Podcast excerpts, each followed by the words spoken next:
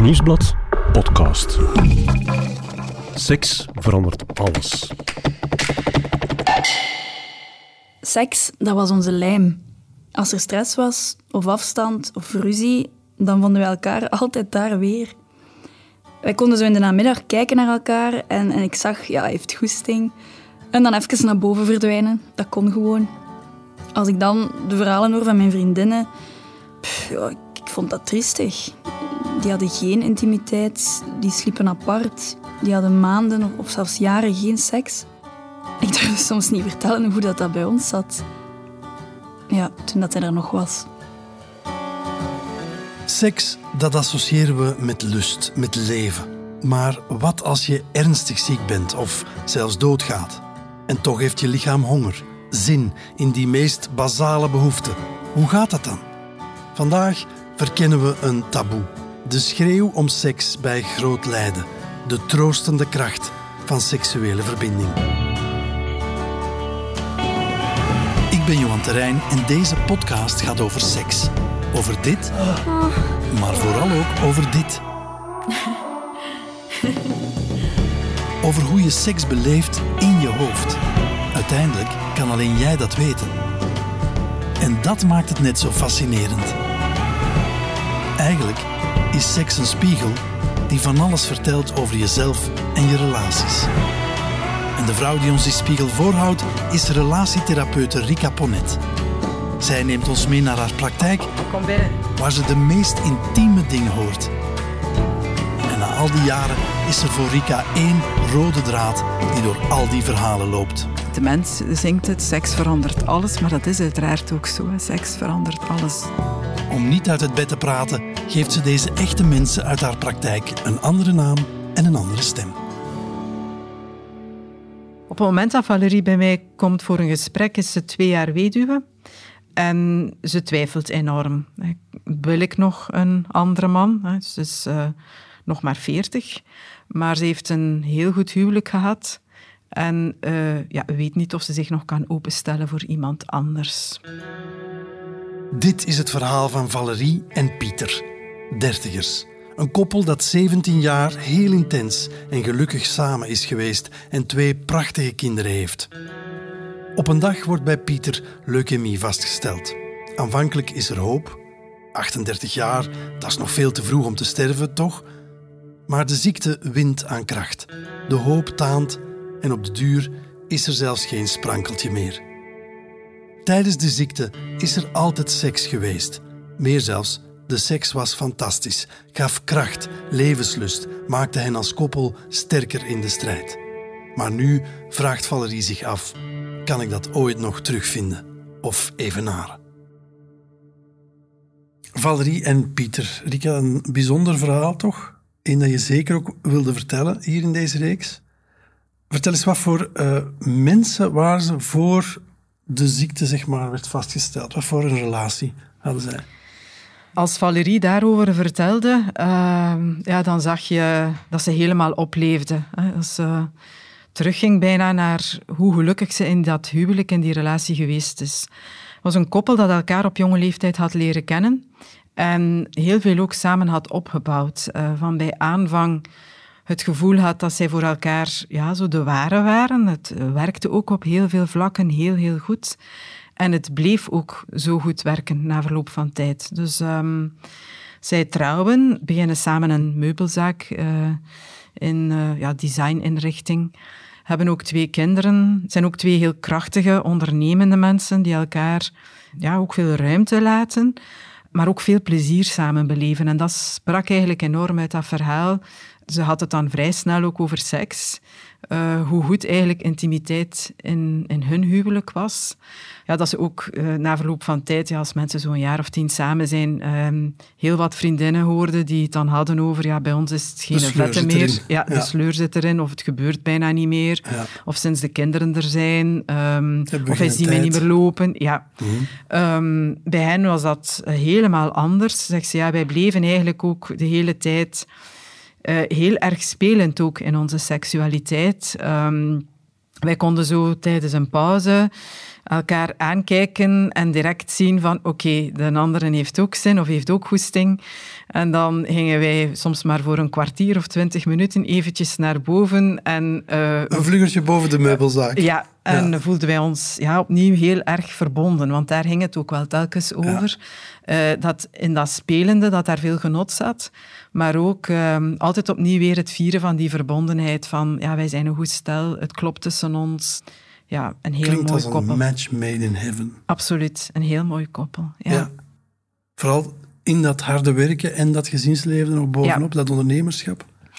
Toch Ja. die speelsheid bewaren om, eh, Eh, om elkaar daarin te vinden.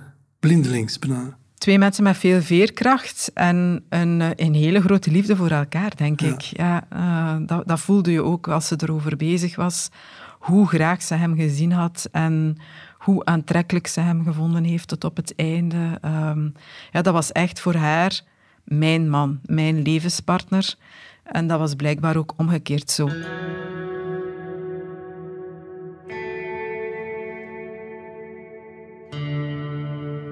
En dan komt er een donderslag bij heldere hemel. Ja, zo'n een, een, het lijken zondagskinderen, zo kan je het bijna omschrijven. En eh, ja, twee mensen die voor het geluk geboren zijn. En eh, op een bepaald moment voelt hij zich een periode wat moe. Eh, er is net wel een hele zware professionele periode geweest, dus ze wijten het eerst daaraan. Maar dat blijft aanhouden, die moeheid, waarop zij dan aangeeft van misschien is het toch goed van eens eh, naar de dokter te gaan. En hij doet dat en er wordt bij hem leukemie vastgesteld. Dus er wordt bij hem kanker vastgesteld. Wat, ja, gezien het feit dat hij een hele vitale, gezonde man was tot dan toe, voor hen effectief een donderslag bij heldere hemel. Ingrijpende verandering in hun leven, neem ik aan. Ja. Waarschijnlijk ook in hun seksleven. Ja, ehm, in het begin zegt ze, ja, die behandelingen werden heel snel opgestart. Aanvankelijk leek het ook de goede richting uit te gaan, dus we zijn toch wel hoopvol altijd gebleven in het begin. Maar door die behandelingen was hij ook moe. En ja, ik had ook het idee, ik moet hem nu niet belasten met dat gegeven. Ik ga er gewoon proberen zijn, ondersteunend. ehm, Een zorgende rol. de, een zorgrol opnemen, ja. Dus eh, zoals ze dat naar haar kinderen toe deed, zei ze, zo probeerde ik er ook elke dag voor hem te zijn. Toen werd hij ziek en dan die behandelingen. Ik wilde hem ook niet lastigvallen met mijn eigen behoeftes. En hij nam eigenlijk geen initiatief meer. Ik dacht, ja, hij is gewoon te moe, te ziek ook. Tot hij op een avond begon te wenen. En ja, eigenlijk, hij bleek heel onzeker. Hij dacht dat ik hem niet meer wilde. Maar, maar schat, zei ik, ik, heb u nooit liever gezien en aantrekkelijker gevonden dan nu. En dat was ook echt zo, hè, dat was waar. Ik heb hem toen in mijn armen gepakt, eh, getroost. En die avond, eh, die seks, eh, was niet normaal intens. En vanaf toen gebeurde dat elke keer na een behandeling. Wij, wij wilden gewoon ja, het leven vieren. Dat was totale overgave. En vanaf dat moment, zonder dat daar eigenlijk veel over gesproken werd, zegt ze, elke keer als wij uit het ziekenhuis kwamen, hij nam dan meestal wel het initiatief, maar het werd een gewoonte van automatisch, als we de auto op de oprit hadden gezet, ik ging altijd mee voor de behandeling, dat we automatisch naar boven gingen en dat we dan effectief de liefde bedreven. Dus eh, een soort van ritueel om, ja, de doodsangst, denk ik ook, waar ze dan in de ochtend bij die behandeling een stukje werden mee geconfronteerd. De pijn, het lijden.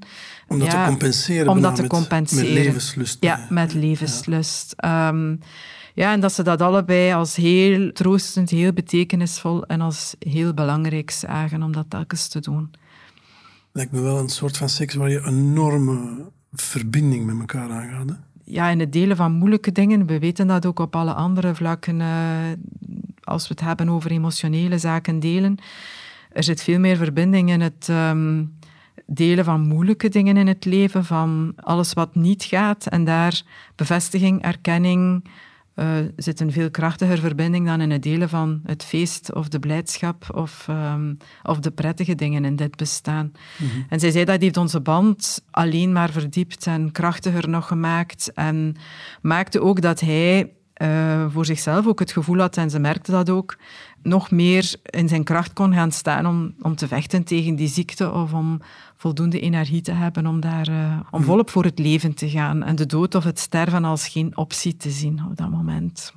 Klinkt dat iets, als iets enorm krachtig en tegelijk komt bij mij ook het beeld binnen van iemand die zieker en zieker wordt en dus ja. wellicht ook ja, vermoeider en vermoeider of uh, er slechter en slechter aan toe. Dat vraagt ook veel energie om zo'n intense vrijpartij uh, tot stand te brengen en vol te houden en af te ronden. Zeg ja. Nu, seksualiteit evolueerde ook, of de wijze waarop ze dan een team waren. Um, in het begin verliep dat nog helemaal zoals dat dan voorheen was. Maar naarmate de tijd vorderde en hij ook effectief fysiek aftakelde, want het ging al maar slechter, uh, tot hij op een bepaald moment de boodschap kreeg dat hij eigenlijk terminaal was. Dus wat ze nog aan het doen waren, dat dat een soort van ja, rekken van het leven was ja, dan is hij ook al vaak daarmate moe dat hij heel veel moet rusten, is dan ook al gestopt met werken. Maar um, toch bleven ze, hij wou dat ook zelf heel erg, bleven ze die intimiteit, die seksualiteit um, vieren en hebben. Ja, ergens wou hij ook nog altijd opnieuw weer voor haar man zijn. En dat was dan... Uh, zij is op het einde zeker geen penetratieseks meer, maar er zijn zoveel manieren om intiem te zijn met elkaar en elkaar ook te bevredigen. En dat wou hij absoluut voor haar zijn. En ze gaf ook wel aan van, ja, ik heb dat vaak genoeg gezegd van, als het niet gaat, gewoon bij elkaar liggen is ook oké. Maar hij had dat op de een of andere manier nodig om op die manier zich nog te kunnen verbinden met zijn vrouw. Hij, ja, hij wou zich heel graag op dat moment ook nog wat man voelen. En uh, dat was ook de reden waarom dat, dat tot op het einde, dat ze echt de liefde bleven bedrijven, dat dat uh, altijd opnieuw weer toch aan bod kwam.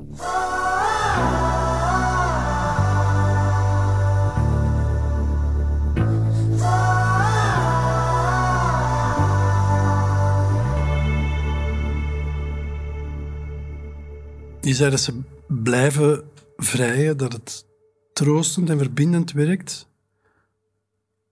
Maar hoe komt dit uh, aan zijn eind, dit verhaal? Ja, op een bepaald moment uh, is Pieter dermate ziek dat uh, er ook besloten wordt, we stoppen met elke behandeling. Dus uh, artsen zijn er zeker van, dit is terminaal. En hij wil dan heel graag thuis sterven, wat zij ook volledig volgt. ze willen ook die laatste periode zo kwaliteitsvol mogelijk doorbrengen en ook nog intiem kunnen zijn. Uh, dat gaat dan al lang niet meer over seksualiteit zoals wij het ons dan doorgaans voorstellen, maar veel meer over allerlei vormen van troostend lichamelijk aanwezig zijn. Ze blijven ook tot op het einde samen slapen. Zij vindt dat heel belangrijk. Niet zo een of ander ziekenhuisbed waar hij dan in ligt, maar ja. um, uh, ja, het blijft zo'n een wijverhaal. Uh, Echt tot een op fysieke het einde. nabijheid. De fysieke nabijheid, ja. Ze heeft daar ook helemaal geen probleem mee uh, om dat te doen. Daar ook helemaal geen schrik voor. En heel mooi, heel symbolisch was ook, ze vertelde dat zij um, een tijdje of een periode voor uh, zijn overlijden, dat zij een nieuwe lakens uh, had besteld. Hele mooie lakens uit een heel fijn materiaal. En um, ze beschouwden dat zo'n beetje als um, ja, het, het, opgemaakte bed, of ze maakten daarmee altijd het bed op uh, als ze dan van het ziekenhuis naar huis kwamen en, en dan die, die troostseks hadden, zullen we maar zeggen. En het zijn ook de lakens die uh, er uiteindelijk op het einde op liggen. Um, op de laatste dag. Op de laatste dag, ja. En tot op dat laatste moment blijft zijn fysiek eigenlijk heel, heel nabij. Ze geeft dat ook aan de laatste dag, dat ze bijna constant um, bij hem gelegen heeft. Samen met de kinderen. Hij ze er een heel mooi uh, afscheid ook van gemaakt hebben. En ik geloof dat, hij dan, dat er een vorm van sedatie geweest is, waardoor hij dan op het einde niet meer bij bewustzijn was. Maar ook dan nog altijd, en zij geloofde daar ook heel sterk in, ik ben er mij zeker van, of ik ben er zeker van dat hij zich bewust geweest is van mijn aanwezigheid tot op het einde. En uh, ben ik hem ook blijven aanraken. En, uh, en zo is hij uiteindelijk ook in alle rust um, gestorven. In die mooie lakens. In die mooie lakens. Ja, en toen ik vroeg van, ja, wat heb je daar uiteindelijk mee gedaan met die lakens? Want ik kan me ook voorstellen dat je dan nadien nu niet zo'n fijn idee vindt om daar uh, om daar nog in te, slapen. Ja. Maar dat bleek dan wel zo. Je zei gaf aan, ja, uh, tot op vandaag zitten die in mijn roulatie van lakens. En, dus ze legt uh, nog regelmatig op? Ze legt ze nog regelmatig op en zegt ze, ik heb daar helemaal geen weerstand rond. Uh, ik associeer dat ook niet met de dood, maar ik associeer dat met ons wijverhaal. En ja, het is alsof dat hij er dan uh, nog, eens. Uh, nog, eens. opnieuw is. Zo, ja. ja. Maar ik wil er mij ook niet in verliezen door er de hele tijd gaan in te liggen. Dat is ook de bedoeling niet. Nee, ze liggen niet heel de tijd op, maar nee, af en toe. maar af en toe.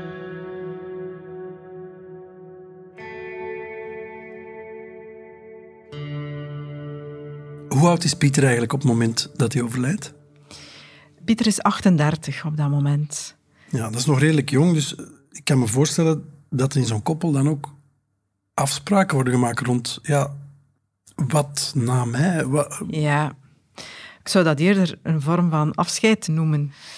En dat is er zeker geweest. Uh, ja, uiteindelijk is hij toch een, eh, een hele tijd ziek geweest en zijn er ook heel veel kansen geweest om het daarover te hebben. En hij had het er zeker vaak over.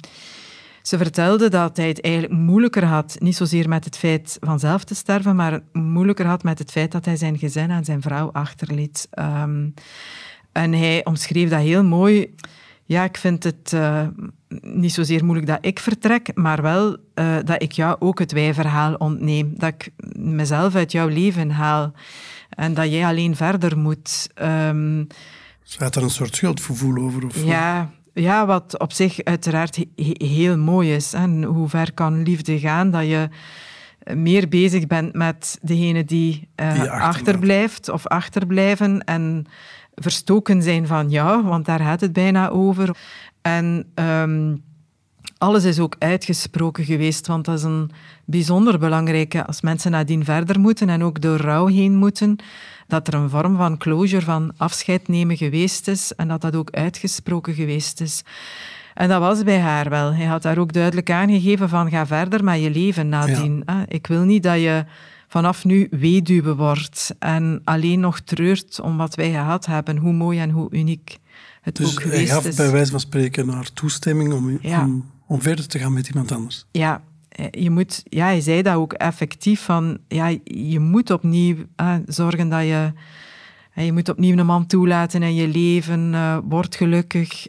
ja, ik zou het liefst van al hebben dat je verder echt gaat, dat, dat het hier niet stopt, dat ook voor jou hier het wij-verhaal niet stopt.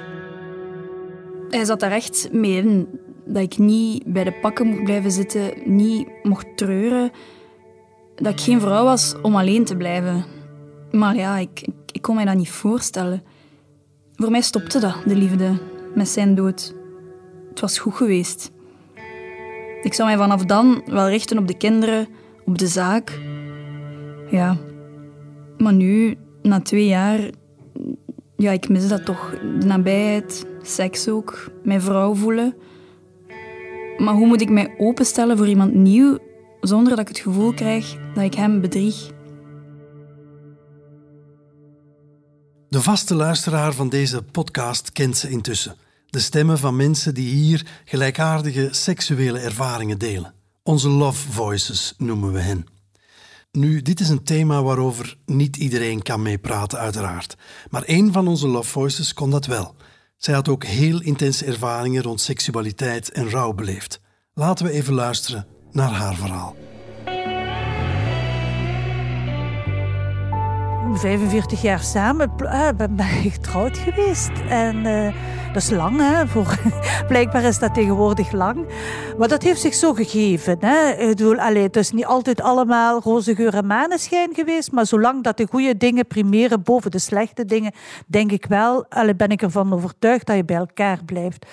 En. Uh, ja, en ik had zo het gevoel helemaal op het einde dat we eigenlijk veel korter bij elkaar waren gekomen. Er was ook niks in mijn hoofd dat eraan dacht om hem ergens te plaatsen, want de zorg was heel groot.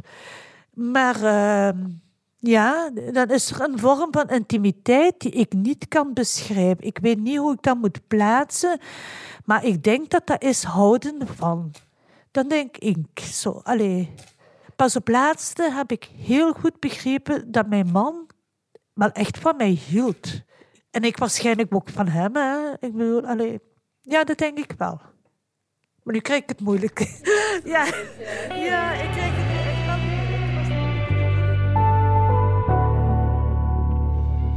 Mijn man was niet direct zo de man van, hoe moet ik zeggen, met, met mijn grote ring geven. En dan, ik weet niet wat, attenties te doen. Wat ik heel erg miste.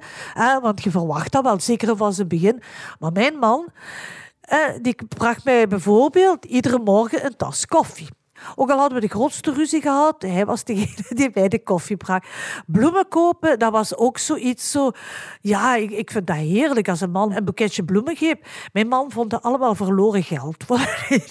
maar op laatste kocht hij ook bloemen. En het was zelfs zo dat hij aan de kinderen de opdracht gaf om bloemen te kopen. En je zegt dan ook wel op zijn gezicht zo zo bijna, uh, de schaamte is het niet, maar de verlegenheid, zo dat laten zien dat je nu eigenlijk je vrouw tegen komt. Hè? Ik heb tot op laatste moment heb ik bij hem geslapen. Hè. Ik heb, ja, ja, ja, dat is er altijd geweest. Dat, dat wou ik zeker en vast niet opgeven. De ene keer word je ook zo met het lijfelijke geconfronteerd. En dat was zoiets zo van, als je seks hebt, dan laat je je altijd op de mooiste manier zien, lijfelijk. Hè? En dan is het niet op zo'n aftakelende wijze, waarin dat je bij manier van spreken je echtgenoot zijn onderbroek moet aandoen. Hè? Of, of, of op toilet gaan, waarbij dat je moet helpen. Dat is, oh, ik, ik, denk dat dat moet vreselijk geweest zijn voor hem. Maar uh, ja, je leert elkaar dan toch wel op een andere manier kennen heeft hij eigenlijk tot de laatste dag heeft hij dat gedaan. Hè? Mij vastgenomen uh, telkens. Hè? En ja, mij knuffelen, mijn hand vastnemen. Zo van die dingen deed hij dan. Ja, er was wel echt wel een ander soort intimiteit in die periode dat hij ziek is geworden. En ik denk soms zelf, hij ziek moeten worden om dat soort intimiteit op te wekken. Het is een vraag die na verlies van je levenspartner wel vaker speelt. Mag het nog? Wil je nog een ander? Of is eeuwige trouw ook eeuwige rouw? Een vraag voor onze lovehacker Kaatje, die de cijfers van de liefde indook. Als ik rondkijk online, dan zijn er eigenlijk weinig kwantitatieve onderzoeken te vinden. Wel blijkt dat de vraag wanneer is het tijd voor een nieuwe liefde na het overlijden van je partner vaak wordt gegoogeld. En bij de meeste mensen duurt dat wel even voor ze klaar zijn. Zo blijkt uit een onderzoek van een Nederlandse uitvaartverzorger dat maar 5% van de weduwnaars en weduwes binnen het jaar een nieuwe partner heeft. Een derde zegt ook dat ze het eigenlijk niet echt gepast vinden om binnen het jaar na het overlijden van een partner een nieuwe relatie aan te gaan. Ook al denkt meer dan de helft wel dat hun overleden partner niet zou hebben gewild dat ze alleen achterbleven. Maar een nieuwe relatie zorgt toch bij een aanzienlijk aantal voor schuldgevoelens. Er is zelfs een kleine groep, zo'n 14% die aangeeft ook bang te zijn dat de kinderen bezwaar zouden hebben tegen een nieuwe relatie. Al blijkt dat bijna alle kinderen, meer dan 80% vinden dat het geluk van de overgebleven ouder voorop staat. Uit dat onderzoek uit 2017 bleek ook dat 33% van de ondervraagde mannen en vrouwen binnen de zes jaar een nieuwe relatie had. Dat zagen we iets vaker bij mannen, die ook uh, vaker aangaven dat ze niet alleen kunnen zijn. Men zegt ook wel eens blijkbaar women mourn and men replace. Maar het zou dus wel kunnen dat vrouwen over het algemeen wat meer tijd nodig hebben om zich opnieuw open te stellen. Zij blijken ook vaker een grotere sociale kring te hebben om op terug te vallen. Niet onbelangrijk als je aan het trouwen bent. Er is een ander, ouder Amerikaans onderzoek waaruit blijkt dat overblijvende partners na zo'n 18 maanden aangeven dat ze zich beter beginnen te voelen. En misschien wel klaar zijn voor iets nieuws. Maar dan komt er natuurlijk het moment dat hij er niet meer is. Ja, en in het begin leeft ze effectief ook zo. Het is ook een hele zware periode. Ze plooit zich, de kinderen hebben het er ook heel moeilijk mee gehad, plooit zich daar volledig op terug, wil er volledig zijn voor hen voelt ook bij zichzelf dat er uh, geen enkele behoefte is om, uh, een plaatsvervanger. Om, om, ja, om een plaatsvervanger te zoeken. Of uh, zegt ze, ja, het is een mooie vrouw. Ehm, ik heb vrij snel aandacht gekregen van andere mannen. Maar het was bijna alsof ik daar allergisch op reageerde. Ja, ik vond alleen al de gedachte vond ze verschrikkelijk. Um, en een heel sterk gevoel van, ik ga Pieter ontrouw zijn als ik... Ik wil dat niet. Ja, ik wil dat gewoon niet. Ja, er is geen plaats, er is geen ruimte voor iemand anders. Maar ja, twee jaar na zijn overlijden komt ze toch bij jou in de stoel zitten. Ja. Dan zie je dat ja, naarmate de tijd vordert, ook rouw evolueert. Mensen schatten dat vaak anders in. zoals ik mij vandaag voel, zo zal ik mij ook in de toekomst voelen, of zo zal het ook zijn. En uh, het is bijna alsof ze er een schuldgevoel over heeft, maar uh, ze geeft aan ja, dat de laatste tijd dat ze er toch wel vaker mee bezig is. Alles uh, een paar keer met een man heeft afgesproken, daar niets mee gehad heeft, maar ze wel voelt dat er terug een vorm van opening is ja, naar een, een, ja, een man-vrouw leven dat niet Ja. met Pieter is. Ja. Dus ze voelt een behoefte terug ontstaan ook. ja, en ook vooral lichamelijk. Ja. Ze, ze echt geeft ook dat een fysieke behoefte ja, aan. seksueel. aan Ze geeft ja. dat aan. ehm, dat ze dat nooit gedacht had, maar ja, dat ze dat enorm mist. En dat ze ook voor zichzelf voelt dat dat gemis ook iets wordt dat hoe langer hoe meer los van Pieter staat. Dus dat het ja, ook een gemis is als vrouw. Dat ze ook beseft, ik ben ja, nog een jonge vrouw. Ja, ik bedoel, ga ik nu de rest van mijn leven met dit soort gemis... Ja, Ja. seksloos door het leven blijven gaan. En eh, ja, zegt ze in het begin was er ook de voldoening van vriendinnen die juist een knuffel geven. Ehm, er is ook de fysieke nabijheid van de kinderen. Mhm. Ik ben altijd een heel fysieke mama geweest, dat gaf ze ook aan. Maar dat is niet hetzelfde. En eh, dat is zo mooi geweest wat wij gehad hebben. Eigenlijk verlang ik daar wel opnieuw Ja. naar, om op die manier intiem te zijn met iemand. Maar dan zit je natuurlijk terug met die, ja, met die enorme, intense, troostende seks waar je nog die herinnering aan hebt. Ja, En met de grote vraag, ga ik dat ooit nog terugvinden? Ja, dat is voor haar. Dat is natuurlijk een, een ehm, wat daar als, als beeld leeft bij haar, als beleving, dat is zo groot, zo betekenisvol, ehm, dat dat ja, bijna moeilijk is om voorbij dat gegeven opnieuw te starten met iemand. En dat was ook een beetje de oefening die ze moest maken.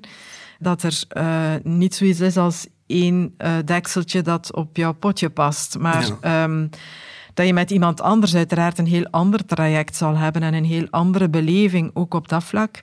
Maar dat het daar ook dan ja, weer opnieuw iets nieuws zal zijn, een eerste keer zal zijn en dat dat dan ook een heel mooi verhaal kan worden.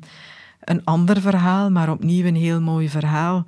En ik denk dat dat altijd een beetje het uitgangspunt is. Als de vraag is, eh, ben ik klaar voor iemand anders? Je kan dat moeilijk in cijfers gaan uitdrukken of iemand anders kan dat moeilijk voor jou bepalen. Maar dat dat altijd weer gaat over, ja, ben je meer dan de helft van de tijd nog bezig met wat geweest is? Of ehm, ben je al voorbij de helft in je beleving bij datgene wat mogelijk opnieuw kan of nog kan in de toekomst?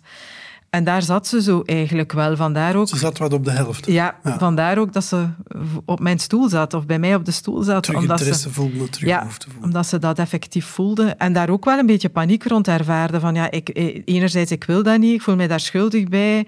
Ja, we zijn nog maar twee jaar verder. En wat zo mooi geweest is en zo groot geweest is, ga ik dat nu al verloochenen?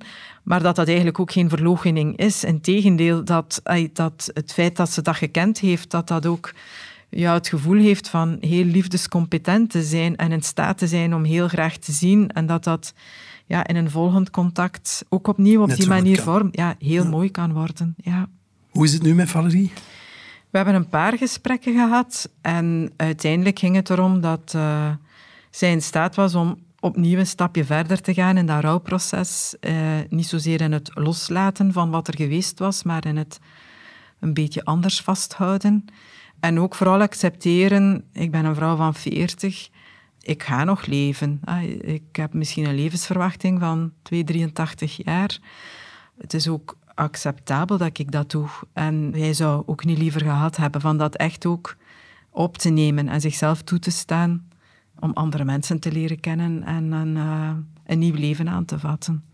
En dat was ook van plan, van zich daar geleidelijk aan, zoals het kwam en zoals het aanvoelde, eh, voor open te stellen.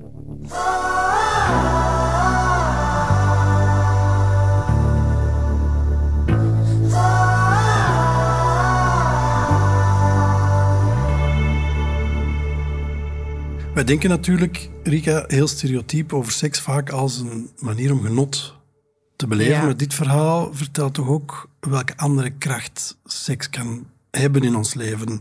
Een troostende kracht in dit geval. Absoluut. En ja, ik wou dit verhaal ook heel graag brengen, omdat het ook toont uh, als het tussen een koppel of in een koppel goed zit, hoe creatief mensen met seksualiteit in een relatie omgaan en hoe het een spiegel is voor de kracht van een relatie. En je ziet dat um, seks voor hen zeker uh, ook iets stressregulerend was in goede periodes. Zo tussenin, uh, op een speelse manier, eventjes naar boven gaan tijdens de middagpauze of de koffiepauze. Om, ja, voor de snelle wip, zoals dat dan uh, genoemd wordt, en daar heel veel energie uit halen. Maar ook op het moment dat het dan heel moeilijk gaat, toch altijd opnieuw de weg vinden naar de andere via die seksualiteit. En uh, de ander ook altijd opnieuw weer in zijn totaliteit heel bazaal bevestigen. Ik zie jou graag. Ja, ik wil het allerbeste voor jou. Uh, wat wij hebben is uniek. Um, van altijd opnieuw weer die band te kunnen voeden via die seksualiteit. En daar veel troost ook uit te halen in aanraking in uh, de aanwezigheid van de andere zit zoveel dat ons helpt in moeilijke momenten. En we vergeten dat soms hoe, uh, hoe essentieel dat, dat is. Uh, en in dit verhaal, bij dit koppel, is het heel duidelijk dat zij dat maximaal hebben ingezet bijna. Ja. Of dat seksualiteit in zijn meest brede vorm kans gekregen heeft en aan bod is gekomen. Ja. Is die troostseks, als we dat zo mogen noemen, is dat een andere soort seks dan genotseks? Uh, het is emotioneel nog veel verdiepender dan seks die uh, op uh, genieten gericht is. Um, vaak zie je dat mensen, of ik hoor dat ook vaak, dat mensen bij dit soort seksualiteit, nadat ze klaargekomen zijn, wenen. Ja. Um, en dat dat ook zeer helend is. Het feit dat je, nadat je samen klaargekomen bent, dat daar uh, ja, emoties naar buiten kunnen gebracht worden die, uh, die misschien op andere momenten niet op die manier vrijgezet worden. Ja. En, en, dat je dan op dat moment ook heel troostend bij elkaar kan zijn. Dat is dan het troostende naspel in, uh, in dit soort van vrijen. En dat heb ik al vaker gehoord, hoe betekenisvol mensen dat vinden. Dit was Seks verandert alles, een podcast van het Nieuwsblad. De stemmen waren van mezelf, Johan Terrein, en van relatietherapeute Rika Ponet. De muziek kwam van Pieter Schrevens en de montage gebeurde door Benjamin Hertogs van House of Media. Dank ook aan de Love Voices voor het delen van hun persoonlijke liefdesverhalen. De productie was in handen van Kaatje de Koning en Bert Heijvaart.